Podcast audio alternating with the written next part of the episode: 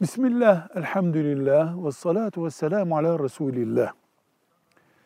Peygamber Efendimizin hayatından bir bölüm olan Medine bölümü konuşulurken münafık kavramı da kullanılır. Medine'de münafıklar şeklinde başlayan cümle kurulur. Münafıklar kimdir? Aslında Müslüman olmadığı halde Müslüman olduğunu gösterip mescide gelip onlarla Müslümanlarla namaz kılan insanlar demektir.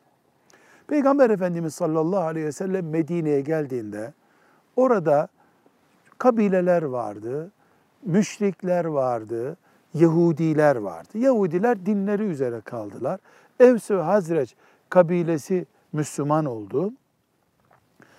Müşriklerden Müslüman olmayanlar biz Müslüman olmak istemiyoruz demekten çekindiler. Kamusal bir dönüşüm, Müslümanlığa geçiş oluştuğu için Müslüman olmuş gibi göründüler. Aslında Medine'nin eski müşriklerinden oluşuyorlardı. Medine'nin eski müşriklerine münafıklar diyoruz. Velhamdülillahi Rabbil Alemin.